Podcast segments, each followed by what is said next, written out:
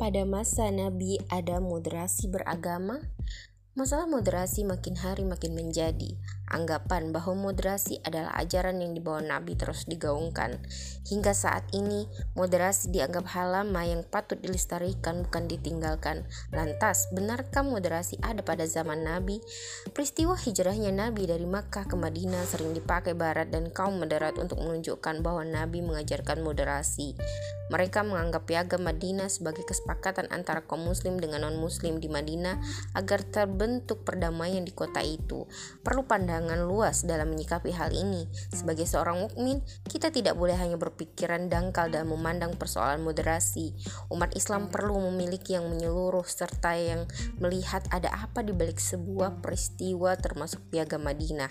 Dalam kitab Daulah Islam karya Syekh Taqiyuddin An-Nabhani dijelaskan beberapa poin penting perjanjian piagam Madinah.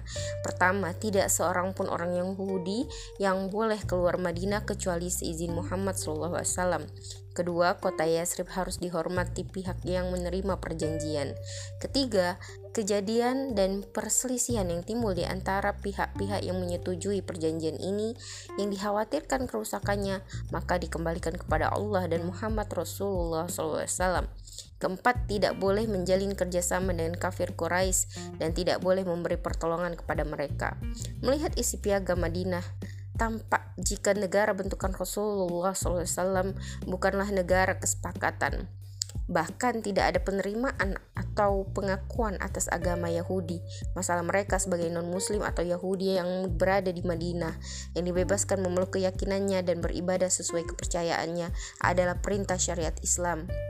Selain ayat tersebut, isi perjanjian piagam Madinah juga menegaskan jikalau ada permasalahan pada masa mendatang akan dikembalikan pada Islam. Artinya seluruh penduduk Madinah baik muslim maupun non-muslim sepakat bahwa di luar masalah akidah dan ibadah akan diatur dengan hukum Islam, bukan hukum kesepakatan nenek moyang atau founding father. Sebagai kesimpulan, anggapan bahwa Nabi mengajarkan moderasi Islam adalah kesalahan fatal. Istilah moderasi saja baru membumi sejak digaungkan para pengusungnya. Melihat fakta ini, masihkah ingin percaya pada moderasi yang digaungkan kepada kita setiap harinya?